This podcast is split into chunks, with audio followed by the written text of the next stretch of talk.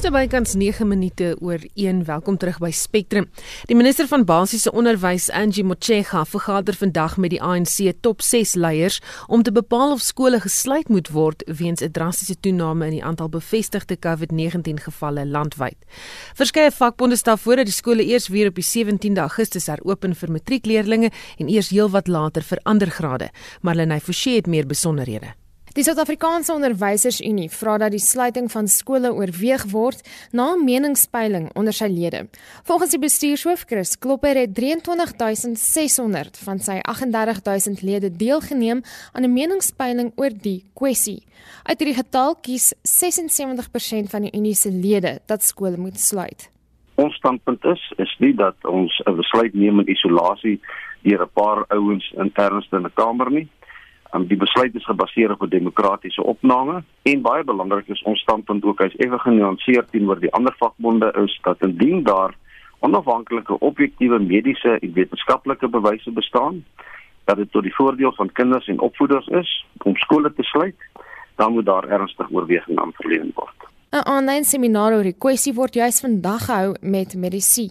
Dit is 'n langtermynsaak, alle aanduidings is ons gaan tot en met 2022 of 2023 hiermee moet saamleef.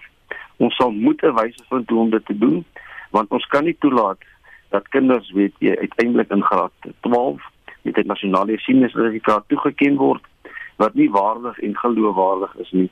Alles moontlik moet gedoen word om vir kinders 'n toekoms te verseker.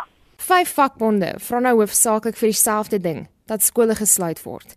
Klopper sê hulle vra nie noodwendig dat daar na die uiterste oorgegaan moet word nie en dat verskeie vergaderings met die komitee van onderwysministers gehou is.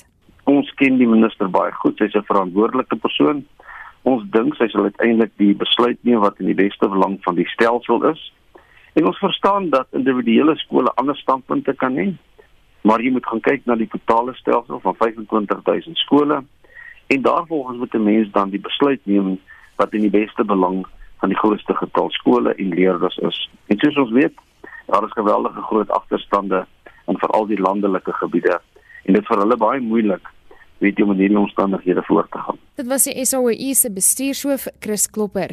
Die vakbond Solidariteit het intussen 'n memorandum aan die kabinet gerig waarin hulle vra dat skole oop moet bly. Die bestuurshoof Dirk Herman In die memorandum steun ons baie sterk op internasionale navorsing asook plaaslike navorsing wat onteenseglik bewys dat dit nie in die beste belang van die kind is in die eerste plek indien skole toegemaak word nie, nie vir die breë ekonomie nie, veral nie vir beheerliggaam onderwysers nie, maar selfs nie vir die bevegting van die virus nie.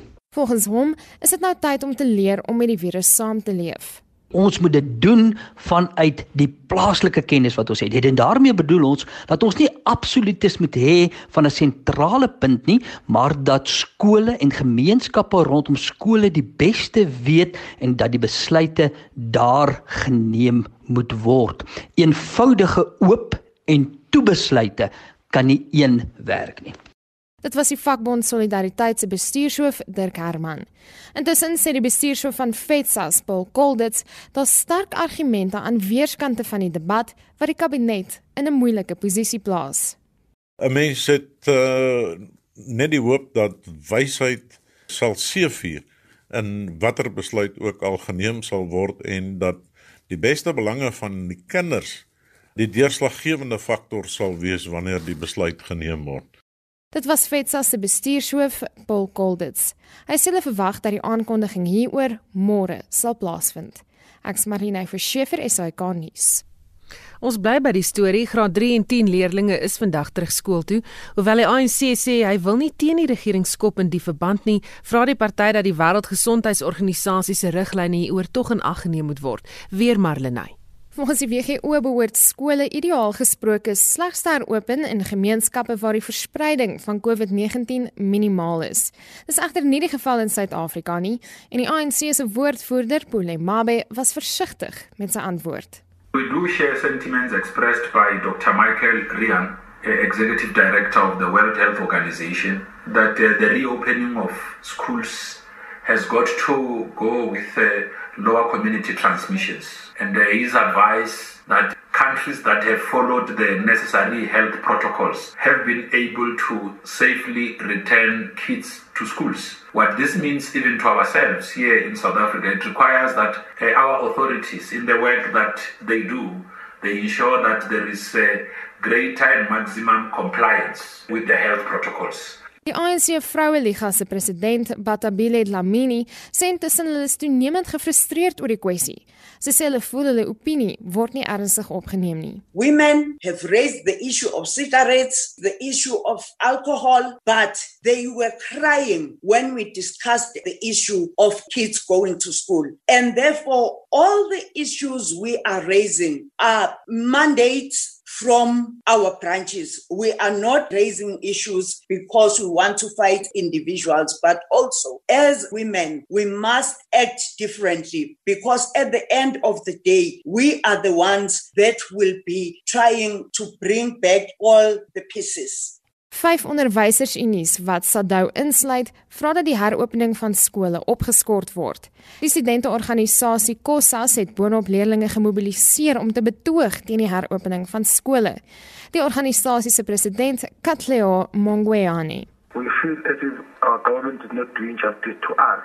World Health Organization made it clear that reopening of schools is not a good idea, but our government failed to listen. They even did drinks for us. They show that they want us to die. And we have been complaining to them that the system of education of our country is not our system. And it doesn't mean if we have lost this year, it's end of our lives. So hence, even tomorrow, we're still continuing to shut down schools. Alle oë is nou gerig op die ANC se top 6 vergadering hieroor wat vandag plaasvind. Die minister van basiese onderwys, Angie Motshega, het egter beklemtoon dat die uiteindelike besluit deur die kabinet geneem word.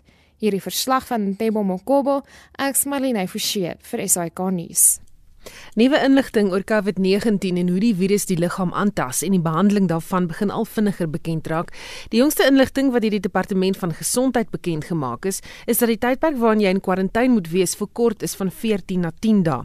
Daar's egter mense wat sê hierdie aankondiging word deur ekonomiese faktore en politiek gedryf. Ons praat nou met die infeksiebeheer spesialis Dr. Kloete van Vieren, hoof interne geneeskunde by 3 Militêre Eenheid in Bloemfontein en Dr. van Vieren Giel Klas by die Universiteit van die Vrystaat se Mediese Fakulteit. Goeiemôre Kloete. Hallo Susan. Wat toon die navorsing oor die kwarantyne tydperk? Hoekom is dit verkort? Ja, jy weet, ons sit nou met 'n splinter nuwe virus hierso. Ehm um, en as jy vat met HIV, het dit 3 jaar gevat net om die virus te identifiseer wat die siekte veroorsaak. Hier sit ons nou na 6 maande. En daar's so baie inligting dat geen mens meer kan byhou nie. En die aanvanklike goed is mos nou maar besluit oor wat dink ons en wat weet ons van ander soortgelyke virusse en daarom sê ons 14 dae kwarantyne, maak die skole toe en al die klas van goed. Maar wat hulle nou dat die data bykom, dan moet mense mos nou maar aanpas. En hierdie besluit is eintlik gebaseer op data wat wys dat as hulle die pasiënte wat sodra hulle simptome begin ontwikkel, elke dag die virus uit hulle neus uitvat en kultuur, nee, dis nou nie hierdie PCR toets wat ons doen vir die diagnose nie. Hulle vat dit en groei dit fisies in selle in die laboratorium.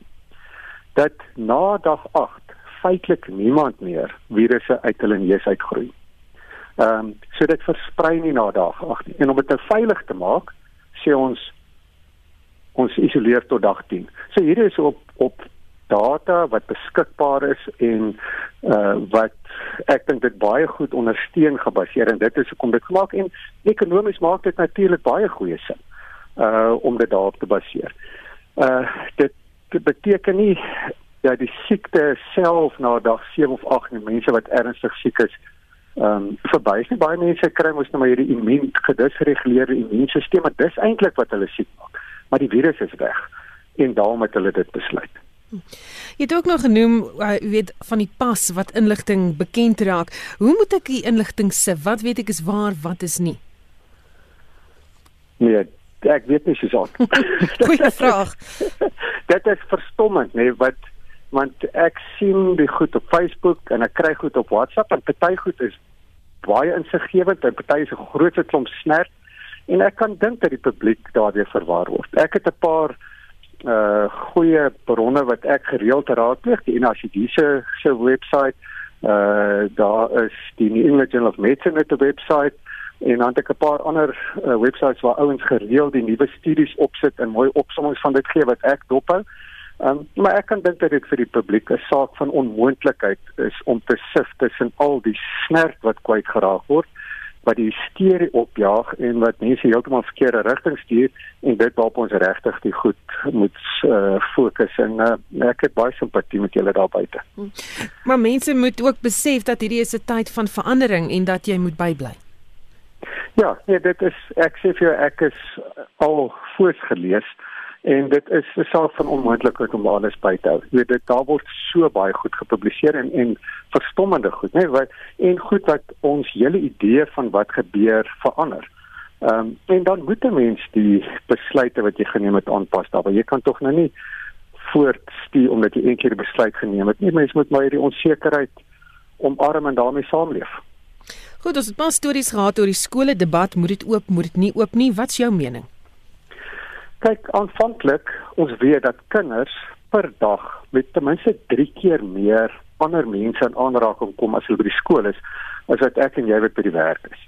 En as ons nou aanvaar dat almal presies dieselfde is, op grond van dit het gesê stop die skole sodat ons die verspreiding kan kan beperk.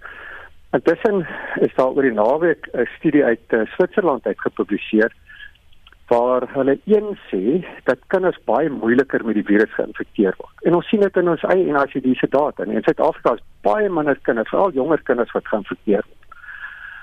Die tweede ding is as die kinders die virus optel, is as dit die virus se hoeveelheid virus wat hulle afskei baie baie minder as volwassenes. So hulle steek baie minder mense aan. En op grond daarvan kan mens eintlik sê dat skole veilig oopgemaak kan word. Maar jy moet nou ook onthou dat uh, die ouers moet nou gaan werk, maar 'n enkel ouer met twee kinders, klein kindertjies by die huis, wat op aarde met daai kinders doen as die skole toe is? Jy weet so so dit is ook goed wat in ag geneem moet word. Maar ek dink op die eind uh, politiek te druk gaan op bepaal hierso wat gaan gebeur. Ek dink nie ek dink die wetenskap gaan hier 'n sekondêre rol speel. En dan net laastens, elke keer as ek met jou gesels, is daar iemand wat vir my hierdie vraag stuur na die tyd, so gaan dit nou vra. Die dra van maskers. Daar's die wat sê die blootstelling aan die koolstofdioksied is gevaarlik. Dis nie goed om maskers so aanhoudend te dra nie. Mense kla van hoofpyn en duiseligheid. Wat is jou mening hieroor? Kyk, hoofpyn en duiseligheid, die goed is maar baie algemene simptome. Uh, om 'n voorbeeld te gee, Susan. Uh, mense dink as hulle hoofpyn het, neem hulle bloeddruk, dan is die hoë bloeddruk die oorsaak vir die hoofpyn. Maar dit is eintlik die hoë hoof die hoofpyn gee vir 'n bietjie hoë bloeddruk. Maar jy soek nou maar 'n rede dan skryf jy dit aan die bloeddruk. En ons sit hier met dieselfde ding. Dis mense is angstig. Dis al hierdie onsekerheid, ons het al hierdie ander moeilikheid en mense kry hoofpyn en dan moet 'n rede wees vir hoofpyn, dan sit seker maar die masker. So hierdie koolstofdioksied storie dit het ons al voorheen oor gepraat is maar hierdie ehm uh, respirators eintlik, nee hierdie N95 maskers wat baie dig om jou gesig sluit, baie die lug moet suig deur die ding.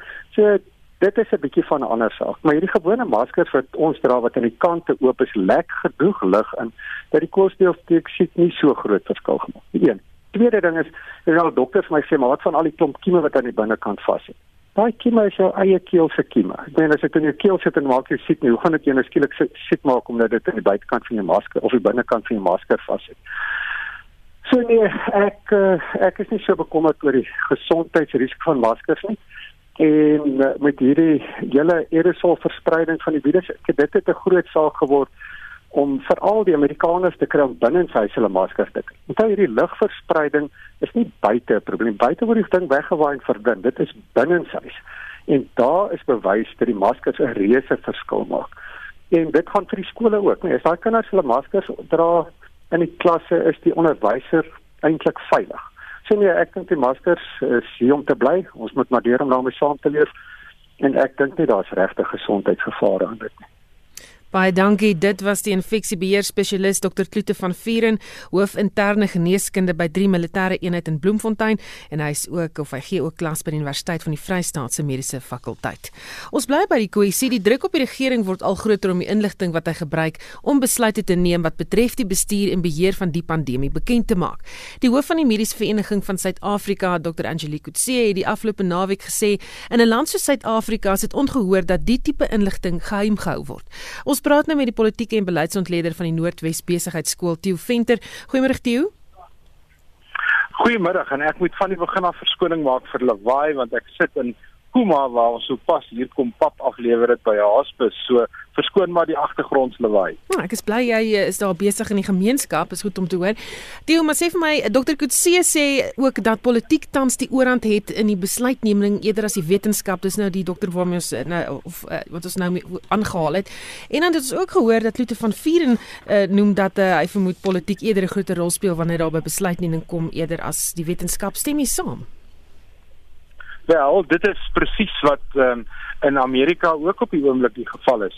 Um ek as 'n as 'n as 'n wetenskaplike verbonde aan 'n universiteit sal altyd die wetenskap voorrang gee, maar die wetenskap se boodskap is nie altyd polities vertaalbaar en vir politici maklik om oor te dra nie en ons het nou baie goeie voorbeelde daarvan dat we die wetenskap een antwoord gee wat 'n wat 'n nagevorsde antwoord is, maar Partykeer is dit 'n antwoord wat politici net eenvoudig nie kan oordra nie en ek dink in Suid-Afrika sit ons met dieselfde probleem. Dit is uh ek kan nie verstaan daar's geen goeie rede om die inligting wat die uh, regering se se wetenskaplike komitee ontvang nie publiek gemaak kan word. Die gewone ou op straat is nie dom nie. Ek het nou hier in 'n township rond beweeg. Almal dra maskers. Met ander woorde op 'n in 'n gewone township soos Kuma naby Stilfontein, besef die gewone ou op straat hoe belangrik dit is byvoorbeeld om maskers te dra. As ons kyk na die statistiek wat bekend gemaak word, is dit dan geloofwaardig? Nee. En ek dink dis een van die redes waarom CNN begin het om te sê Suid-Afrika se se mortaliteit is waarskynlik hoër as wat ons aandui. Ehm um, en daarom het jy as jy kyk na ander plekke in die wêreld, waarskynlik die mees betroubare bron vir die statistiek is die Johns Hopkins Universiteit se data of die Wêreldgesondheidsorganisasie se data, maar ek vertrou nie heeltemal Suid-Afrika se data nie. Ek dink dit word so klein bietjie gemanipuleer om sekere voordele te bereik of om sekere suksesse te bereik. Daar is natuurlik geen goeie rede daarvoor nie en ons het presies deur dieselfde oefening gegaan in die beginjare toe HIV vigs um, sy kop uitgesteek het. Ehm um, was dit byvoorbeeld onmoontlik om dit op 'n op 'n sterfte sertifikaat te sien. Later van tyd toe die stigma beter bestuur is, het dit anders geword. Ek dink ons sit met dieselfde soort dilemma rondom statistiek dat dit 'n bietjie gemanipuleer word, maar epidemioloë is onder meer baie baie kundig op statistiek. En as hulle na Suid-Afrika se infeksiekoers kyk en hulle kyk na 'n klomp ander data, dan is daar sekere logiese gevolge wat daaruit voortspruit. En in Suid-Afrika maak die verskillende syfers net eenvoudig nie sin as jy dit vergelyk met globale syfers nie. Die publiek glo oor die algemeen nie die politici nie en dit het sy oorsprong lank voor COVID-19 gehad. Maar as mens dan nou moet kyk na besluite oor uh, sigaretverkope, drankverkope, ehm um, jy weet en jy sien onwettig uh, word dit verkoop om jou sonder dat enige enigiemand iets doen, kan mens die publiek kwaliek neem.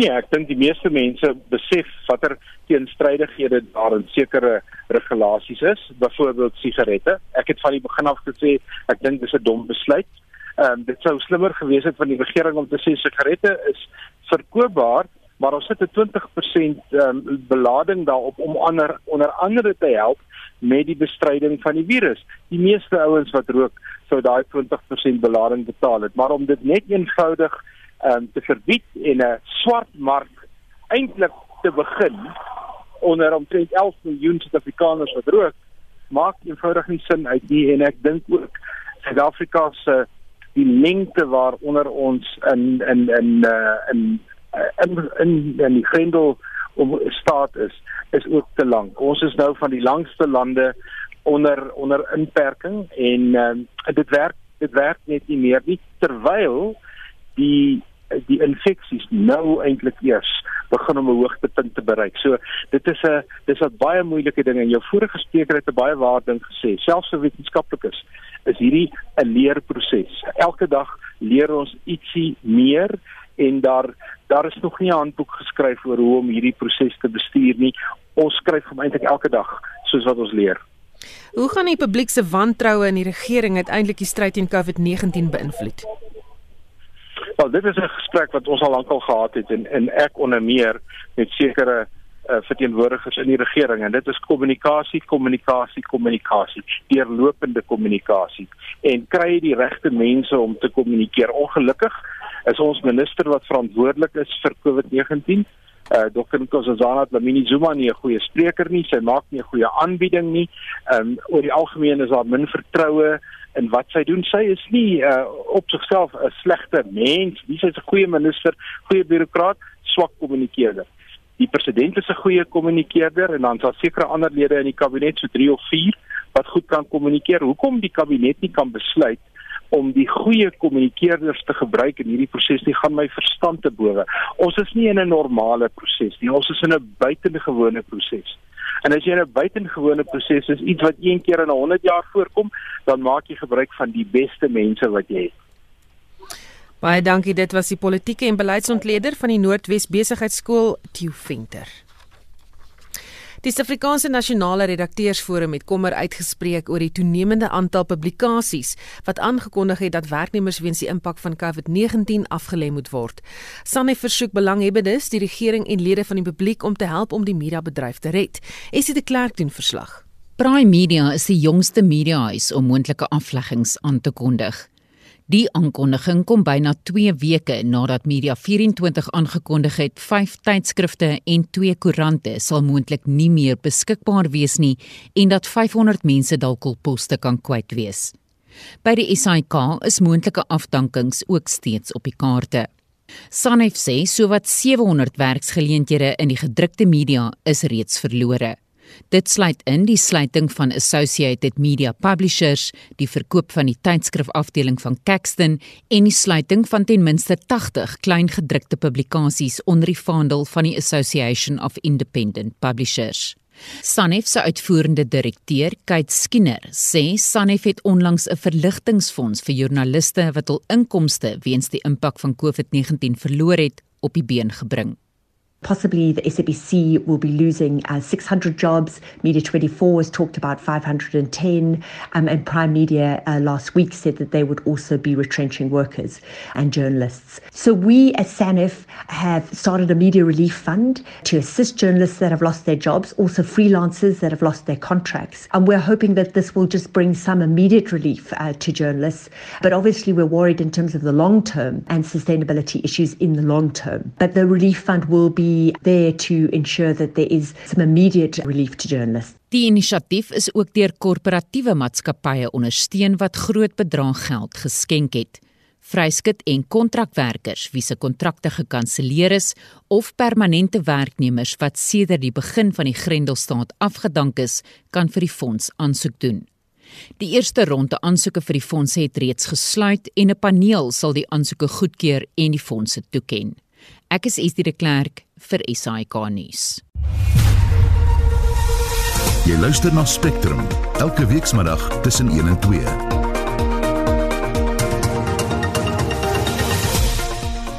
In vermiddag se program gesondheidskundiges waarsku oor die risiko van 'n moontlike verlengde rouproses.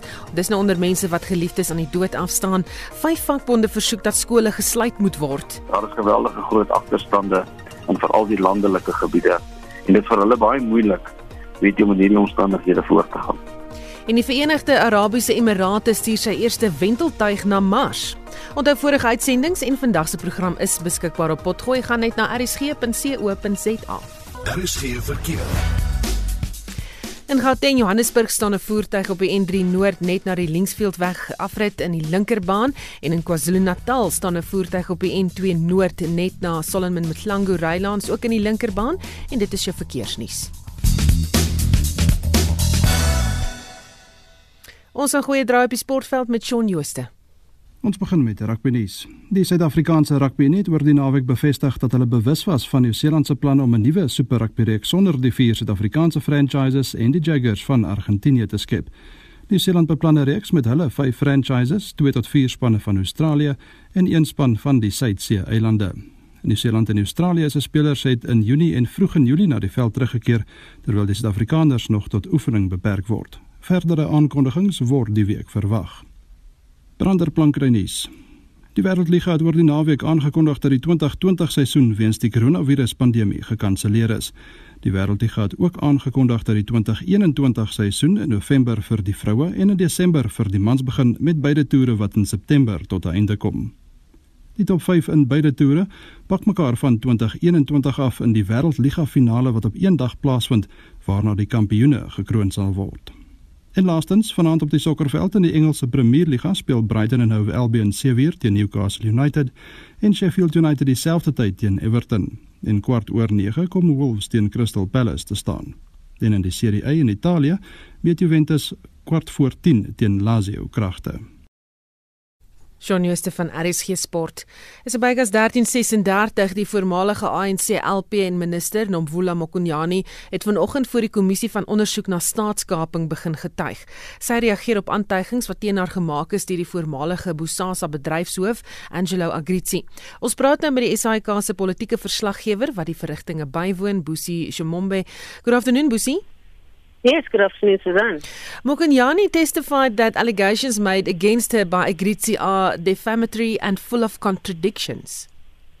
Yes, uh, she was at pains to ensure that uh, all the allegations is made about her. And if, can, if I can just remind you about those allegations, uh, these involved uh, her getting 50,000 rand a month from Bosasa uh, in the form of bribes on a monthly basis, and her Christmas gatherings uh, being funded by uh, as well as ANC rallies, uh, her family funerals, uh, quite a lot of things apparently that she uh, received from Bosasa. And one of the reasons why uh, Agrizi, Angelo Agrizi, who is the former COO of Bosasa, said uh, Gavin Watson, who was his boss, uh, was uh, uh, was clear about the fact that they needed to to keep uh, Mokonyana happy because she was very influential within the ANC. But in her testimony, she basically denies any of these claims. Mokonyani testified she wishes that uh, can refrain, refrain rather from using the commission that shows a sense of desperation and destruction of people's characters for motives, be, motives better known by him. Did she elaborate on this statement? No, she didn't. And you see, the issue is that she hasn't. It's not clear from her version of events why she she she she hasn't constructed an idea of why Agrizi would be saying these uh, these things about her. So she she she basically shrugs her shoulders and says she doesn't know why he would be saying uh, such a thing. Uh, uh, you you would have expected her to talk about maybe uh, political uh, enemies or her detractors who perhaps were behind this. But uh, she basically says she has no idea why he would be making these claims. He's just basically making these claims uh, out of the blue as far as uh, we are made, she wants us to believe. She also responded to allegations by Agrizi that Bosasa paid for her son's funeral. Yes, no. She said that uh, even from a cultural perspective, that would not be would not be possible. And uh, this is at the point in time where you see her becoming quite indignant and talking about her her, her, her sense of offense. Basically, saying from an African culture point of view, that would never be allowed because just from a cultural point of view, it would come back to haunt you if you allowed people to actually pay for your son's funeral she says that yes, it's true that uh, people do make contributions in one sense or the other uh, in, in, in terms of uh, funding a um, a funeral, but she would never have known who had made any contribution because, as is per the custom, she's not required to actually have any contact with people. She's supposed to sit on the mourning mattress and basically attend to, to, to the grieving. But she basically says there is no way that it would have been allowed that uh, Bosasa would have been allowed to pay for her son's funeral. She also testified about her personal circumstances, that her life had always been under threat. Yes, uh, you'll, you'll remember that, uh, you know, she was a member of the UTF. She's been an activist uh, for many years. she talked about the fact that on a number of occasions uh, there have been attempts on her life, attempts on her husband and her her life, and basically she's always uh, lived under the threat of uh, you know some kind of harm coming to her. I, I'm not quite sure in what sense that she was actually uh, pointing all of this out, except to maybe to give a better understanding of what her life is to, to, to, to the public. But really, in terms of the the testimony that she was giving to refute the claims made against her by uh, uh Angela Grizi, it's not uh, clear what the direct implication of uh, her security situation would be in terms of that. Baie dankie. Dit was die SAIK se politieke verslaggewer wat die verrigtinge bywoon, Boesie Chimombe. Te midde van die COVID-19 pandemie waarsku gesondheidskundiges oor die risiko van 'n moontlike verlengde rouproses onder mense wat geliefdes aan die dood afstaan. Volgens 'n studie wat in die Journal of Geriatric Psychiatry gepubliseer is, is die risiko onder ouer mense baie hoog. 'n Uitgerekte rouproses verskil van gewone rou wat steeds uiters pynvol en oorweldigend kan wees. Ons praat nou hieroor met 'n traumatoloog Dr Tessa van Wyk. Goeiemôre Tessa. Hallo Susan. Wat is 'n verlengde rouproses? 'n Verlengde rouproses, of hulle praat baie keer van 'n gekompliseerde rouproses, is wanneer 'n persoon iemand aan die dood verloor het en dan daardie verlies 'n persoon geweldig disfunksioneel affekteer. Wanneer dit byvoorbeeld wanneer jy 'n normale rouproses deurgaan, is dit verskriklik erg, maar éventueel begin die simptome versag en oor 'n tydperk dan begin jy weer uh, uh funksioneer in die dag tot dag lewe. Maar 'n gekompliseerde rouproses gebeur dit glad nie. So dit hy word verleng. Hy hou aan en aan en aan en éventueel kan 'n persoon naderhand glad nie meer funksioneer nie. Wat is die belang van afskeid neem tydens so 'n verlies? Nou volgens my persoonlike opinie het ek al hoeveel keer gesien Susan in die praktyk dat wanneer iemand nie tot sien sê of die laat gaan proses en ek gaan nou kortliks gou verduidelik hoekom dit belangrik is uh, dit nie doen nie dan gaan hy nogal oor na 'n verlengde rouproses dit is asof die persoon dan bly klou aan daardie persoon wat dood is. Maar dit weerhou jou om aan te gaan met jou lewe nou dit gebeur nie net net in COVID-19 uh, nie dit kan ook met enige skielike dood gebeur jy weet byvoorbeeld iemand wat 'n kar ongeluk ongeluk of in 'n hartaanval dood is, dan het jy nie kans gehad om tot siens te sê nie. Nou mense voel baie keer om tot siens te sê, moet jy by 'n siekbed staan en tot siens sê wat nie noodwendig is nie. Jou siege het dit bitter nodig om vir daai persoon te sê en by daai punt te kom wat jy sê, dis oukei. Okay, ek laat jou gaan jy dis oukei okay dat jy gegaan het, dan maak jy jouself half los om deur die rouproses te gaan. Want anderster is jy so besig om te klou aan dit wat was en hoekom en hoekom nie en dis nie dis nie realisties nie jy sukkel om by daai rouproses te begin omdat jy te veel klou. So jy moet half begin en dit vir my die funksie van 'n begrafnis. En ek dink Susan ons mis daai funksie want ehm um, 'n begrafnis is eintlik niks anderster as tot sien sê nie. I'm letting you go sodat ek kan aangaan met my lewe. Ehm um, in tydens hierdie of midde die COVID-19 pandemie is dit veral eh, weet 'n klagte van mense is hulle kan nie afskeid neem van geliefdes wat byvoorbeeld siek was nie. Is daar 'n manier hoe die proses dan nou versag kan word? Definitief. Jy weet as jy as jy mooi kyk, jy hoef nie wat ek nou nog gesê jy hoef nie noodwendig by 'n persoon se siekbed te staan nie. Ja, dit maak dit bietjie meer uh, realisties as jy fisies vir 'n persoon kan sê tot sins en ook daai hele proses saam met hom of haar deurgaan. Maar wat baie keer gebeur is mense 3 4 maande nadat iemand dood is kom eers by my uit en dan klou hulle nog steeds. En dan begelei hulle in die proses van gaan sê tot sins en 'n wonderlike metode is die is die skryftegniek waar jy vir daai persoon 'n brief kan skryf en sê hoe voel jy? Laat jou emosie uitkom. Hoe voel jy oor die afsterwe dat hulle weg is, dat hulle nie daar is nie? Hoe voel jy oor die verlies? Hoe mis jy hulle? En daai uiting aan die emosie op 'n brief kan jy dan mee afsluit en sê dit is vir my baie erg, maar ek kies om jou te laat gaan. Dit is vir my oukei. Okay. Onthou, dit beteken nie aanvaarding nie, Susan, en dit beteken ook nie ek laat jou ek gaan jou vergeet nie. Want mense verstaan dit baie keer verkeerd en sê as ek daai persoon vir, laat gaan of of uh, tot sien sê beteken dit ek gaan hom nou vergeet en dit beteken ek moet nou heeltemal normaal aangaan. Nee, jy gaan nog steeds na daai persoon verlang en dan gaan nog steeds daar wees wat dit swaar is. Onthou, jy moet nog deur die rouproses gaan.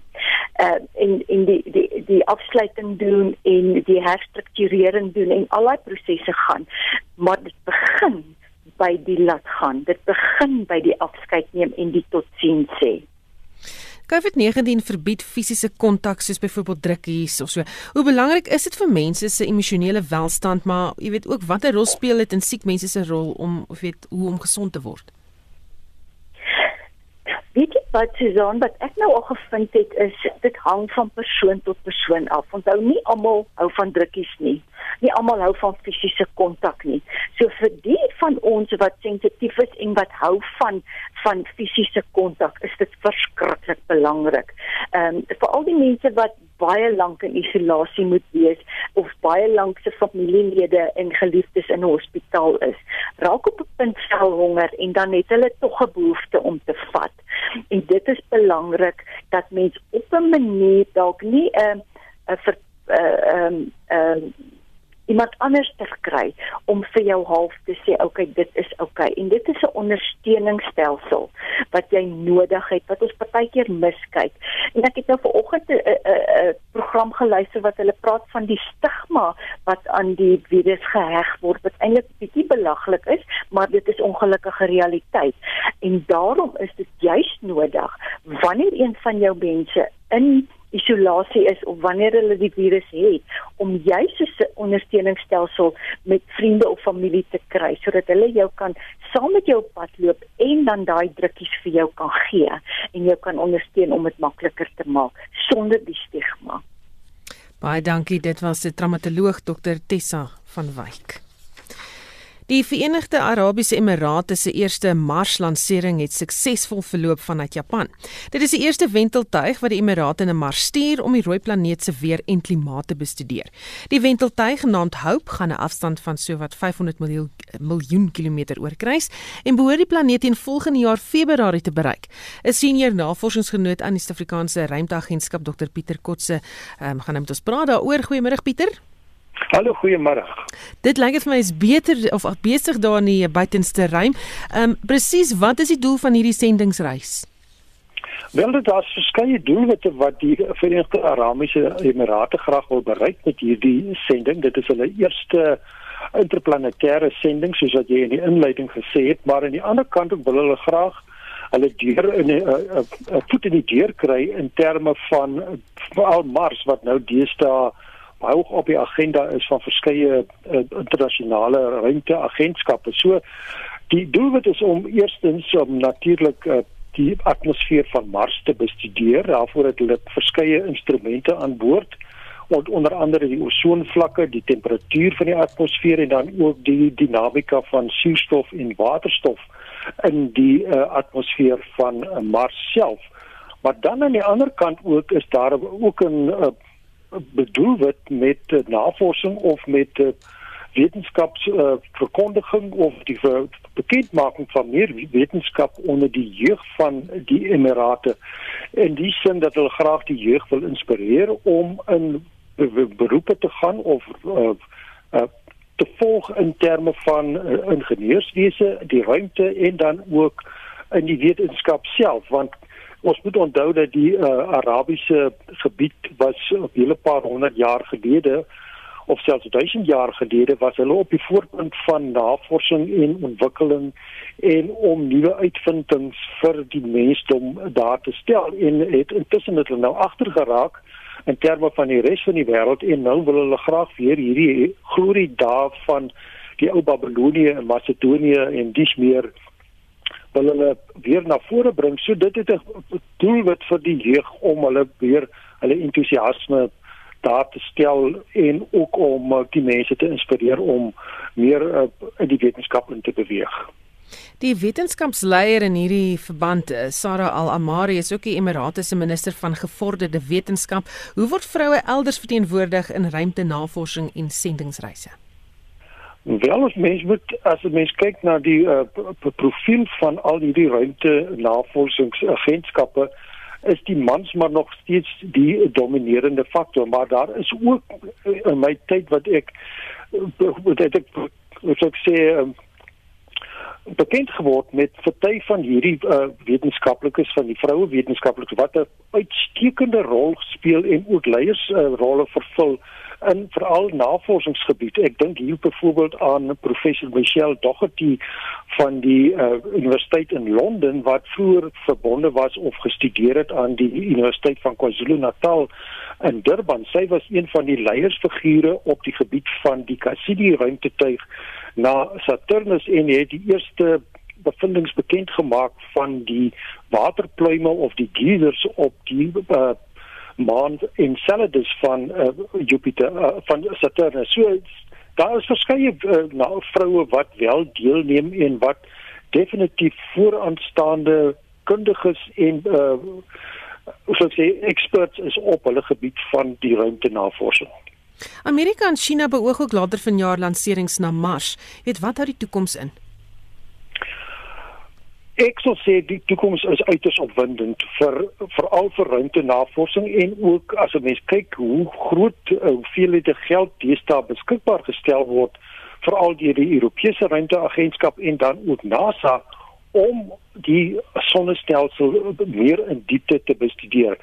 Die onderskeid tussen hierdie twee volgende sendings, een van China en eh, van Amerika of NASA, is hulle gaan landers of robottuie neerplaas op die oppervlakte van Mars self terwyl die Verenigde Arabiese Emirate se eie sending gaan net in 'n wentelbaan om Mars beweeg. Dit wil sê mense kan dit eintlik aanvaar as soort van 'n padvinder uh, uh, projek om die uh, doellikheid en ook dan die fisiese uitvoerbaarheid vir hierdie spesifieke omgewing vir die vir Arabiese Emirate te toets en dan in diepte te ondersoek. Baie dankie. Dit was 'n senior navorsingsgenoot van die Suid-Afrikaanse Ruimteagentskap in Hermanus, Dr Pieter Kotse. Die doyen van rolverdelingsregisseurs, Monin Lee, is in die ouderdom van 76 oorlede. Sy het die Lionel Kagani Lifetime Achievement toekenning in 2017 gekry en was lid van die Academy of Arts and Sciences en Golden Globes. Sy word beskou as 'n bepalende vors in die Suid-Afrikaanse vermaaklikheidsbedryf en sy kon vir die Oscars en Golden Globes stem. Ons het met die rolprentresisent Leon van Nierop oor haar lewe en loopbaan gepraat. Hy het aan Marlenae Forsie verduidelik hoe 'n belangrike rol sy as rolverdelingsregisseur gespeel het. Monin Lee van die magtige Monin Lee and Associates maatskappy, die rolverdelingsregisseur wat vir vele rolprente se rolverdelings gesorg het, was vreesloos. Soms was mense versigtig vir haar because she didn't suffer fools gladly. Partykeer gevrees, maar altyd regverdig en geniaal kundige wonderlike mens. Eers moet mens verstaan wat die sogenaamde casting director doen. Kyk, sy soek en vind talent. Sy werk nou saam met die regisseur en die vervaardiger om te verstaan presies wat of wie hulle soek. Ontdek dikwels onbekende mense en stel hulle aan die regisseur voor, maar hulle moet nommerpas vir die rol wees. Luisteraars moet dus verstaan, baie van die mense wat hulle in sekere rolle sien, is deur Monine Lee gekies en sy sou hand en tand verbeter. Dit was hard en ongenaakbaar veg om vir daardie akteur 'n rol te kry. Jy sien hulle in die rolle en jy weet nie Moenie Lee sit agter daai persoon nie en die feit dat hy of sy die rol gekry het. Sy het oor die 60 rolprente se rolverdelings behartig of gehelp daarmee. Wat was haar belangrikste bydraes tot watter rolprente? Sy het plaaslike akteurs voorstel wat dikwels die rolle gekry het soos Lida Botha in A Long Walk to Freedom plaaslike akteurs in Leonardo DiCaprio se Blood Diamond, maar dalk haar grootste triomf. Sy het 'n bepalende rol gespeel in die rolverdeling van die pryswennende en Oscar-bekroonde Tsotsi in 2005. Tot so 'n mate dat Gavin Hood haar weer gevra het om sy internasionale rolprent Eye in the Sky se rolverdeling te behartig. Toe ek nou met hom praat, dis nou met Gavin Hood het hy vir my gesê dat hy uit nie woorde vir haar nie. Hy het haar naam meer as een keer met lof en waardering genoem. Terloops Empathy Davids wat in Schindler's List gespeel het, sy was ook haar agent. Monien het ook die veelbesproke rolprent oor fotograwe aan die voorpunt van die onafhanklikwording te Bang Bang Club se rolverdeling help vestig. Dis Grace van James Coetzee was ook haar breinkind, ook the number 1 ladies detective agency. En min mense weet dit, sy het selfs die loketreffer Black Panther met hulle plaaslike rolverdeling gehelp. Ander films waarin sy met rolverdelings behulpsaam was, was een van haar eerstes, Plekkie in die son, van William Fore in 1979, die pragtige plaaslike rolprent Jump the Gun, die Kongolese film Hotel Rwanda, die TV-reeks Yizo Yizo, Shepherds and Butchers, die TV-minireeks Madiba en my gunsteling van haar Five Fingers for Marseille onlangs, waarin sy 'n grootlik soete rolverdeling met groot insig en flamboyansie gekies het. Laaste woord oor Monin Lee? Ek het haar jare gelede geken en onthou haar as iemand wat soms luidrugtig en passievol luid kon wees, jou gou op jou plek gesit het as jy te veel bog na haar sin gepraat het of haar tyd gemors het. Jy het nie nutlose kletspraatjies met Monien gemaak nie. Absolute, soms brutale eerlikheid, vurigheid, stewige argumente as jy nie met haar saamgestem het nie en 'n groot oorredingsvermoë was deel van haar oordadige en stewige persoonlikheid. Dis hulle wat die septer agter die skerm swaai, wat dikwels die krag agter die troon is. Jammer so min mense weet van die groot Monin Lee. En dit was die rolprent resensent Leon van Nierop en hy het met Marlenae Forsie gepraat. Springmilies en koeldrank sal nie taboe wees wanneer plaaslike frietteaters uiteindelik weer oopmaak nie. Maskers sal wel verpligtend wees sodat jy jou sitplek binne 'n spesifieke teater inneem. Die woordvoerder van die Metro Teaters, Walter Gelderblom, het aan Anne Marie Janse van Vieren gesê, teen die komende naweek kan teaterliefhebbers goeie nuus verwag. So regering het toestemming gegee vir teaters om oop te maak. Natuurlik onderworpe aan al die regulasies wat gepubliseer is, maar dan ook is daar 'n beperking op die mense wat op een slag in 'n teater kan wees en die getal wat daar genoem word is 50 of minder mense uitsluitende personeel. En daar's tans onsekerheid in die industrie oor wat beteken hierdie regulasie? Beteken dit 50 mense per teater, so auditorium in 'n kompleks of is dit 50 mense of minder vir julle kompleks? Want soos almal weet in party teaterkomplekse is daar 5 of meer teaters en dan het mense nog ook die voorportaal area mense wat kaartjies koop en wag en springmilies en koeldrank koop. Maar die rede waarom teaters nog nie oopgemaak het nie en dis alle fliekteaters is nie net nou metro nie is ook dat daar 'n stanse proses aan die gang in die industrie wat New Metro en ander rolspelers beperk en ook al die filmverspreiders en studio verteenwoordigers wat daar gekoördineerde opening beplan word. Soos die regulasies ook noem, hierdie planne van teaters moet aan die regering binne 14 dae na die publikasie van die regulasies gestuur word vir goedkeuring. En die planne sluit dan al die duidelike implementering van die regulasies in teaters. So daardie proses is aan die gang. Ons weet daar was 'n produksiestaking gewees weens COVID-19. So is daar genoeg nuwe inhoud. Ja, dis die ander faktor. Dit is die beperkte inhoud wat tans beskikbaar is en dit is deels te wyte aan dat daar 'n staking in produksie was, so nuwe films kon nie geproduseer word nie maar die produksieprosesse solank so hierdie staking in produksie gaan moontlik later in die jare of volgende jare invloed hê met nuwe films wat in produksie was en moes gestaak word. Maar die ander realiteit is ook dat die groot filmstudios of basies alle filmstudios en verspreiders wêreldwyd die uitreiking van flieks aangeskuif het na later tyd in die jaar of sommiges na volgende jaar toe. So die die uitreikingsdatums van flieks plaaslik in Suid-Afrika net soos in die res van die wêreld word bepaal wat deur die studios en verspreiders gesê word. So ons kan nie 'n fliek wat alreeds klaar geproduseer is net uitreik voor die res van die wêreld nie. En as gevolg van die skielike stygings weer eens in terme van COVID-19 infeksies in Europa en Amerika onlangs, skuif flieks se uitreikingsdatums die heeltyd. So dit is beslis beslis ook 'n faktor. Nie net films wat in produksie is en gestaak is nie, maar ook die beskikbare flieks wat tydens die inperkingsperiode sou uitreik. Hulle uitreikingsdatums is aangeskuif. So daar is tans beperkte inhoud. Want meeste teaters wêreldwyd is nog gesluit. Die handjievol teaters wat probeer oopmaak het in Europa en Amerika, wys ouer flieks, ou flieks wat al onlangs uitgereik is of klassieke flieks van jare en dekades gelede. So daar gaan net 50 mense in die kompleks of in 'n teater kan wees, maar julle kostes bly seker dieselfde in terme van huur en personeel en so aan. Gaan kaartjiepryse styg? Nee, New Metro het bevestig dat al ons fliekteaters wat bestaan het voor die inperking gaan oopmaak en dit met dieselfde kaartjiepryse van voor die inperking. Die beperking soos op alle besighede en het 'n impak op die besigheid want boonop behalwe die beperkte getalle, daar word natuurlik addisionele begroting benodig om die intense skoonmaakprosesse en jy weet die siftingprosedures van mense se temperature wat geneem moet word en so aan.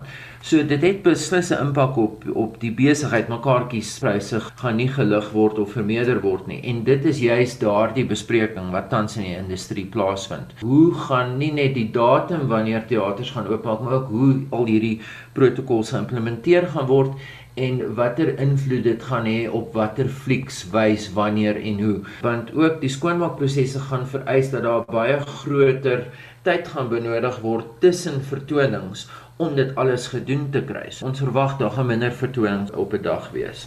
En dit was Walter Gelderblom, die woordvoerder van New Metro Theaters. Hy het met Anne Marie Jansen van Vieren gepraat. daarmee groet die Spectrum span. My naam is Susan Paxton. SAK nuus. Onafhanklik, onpartydig.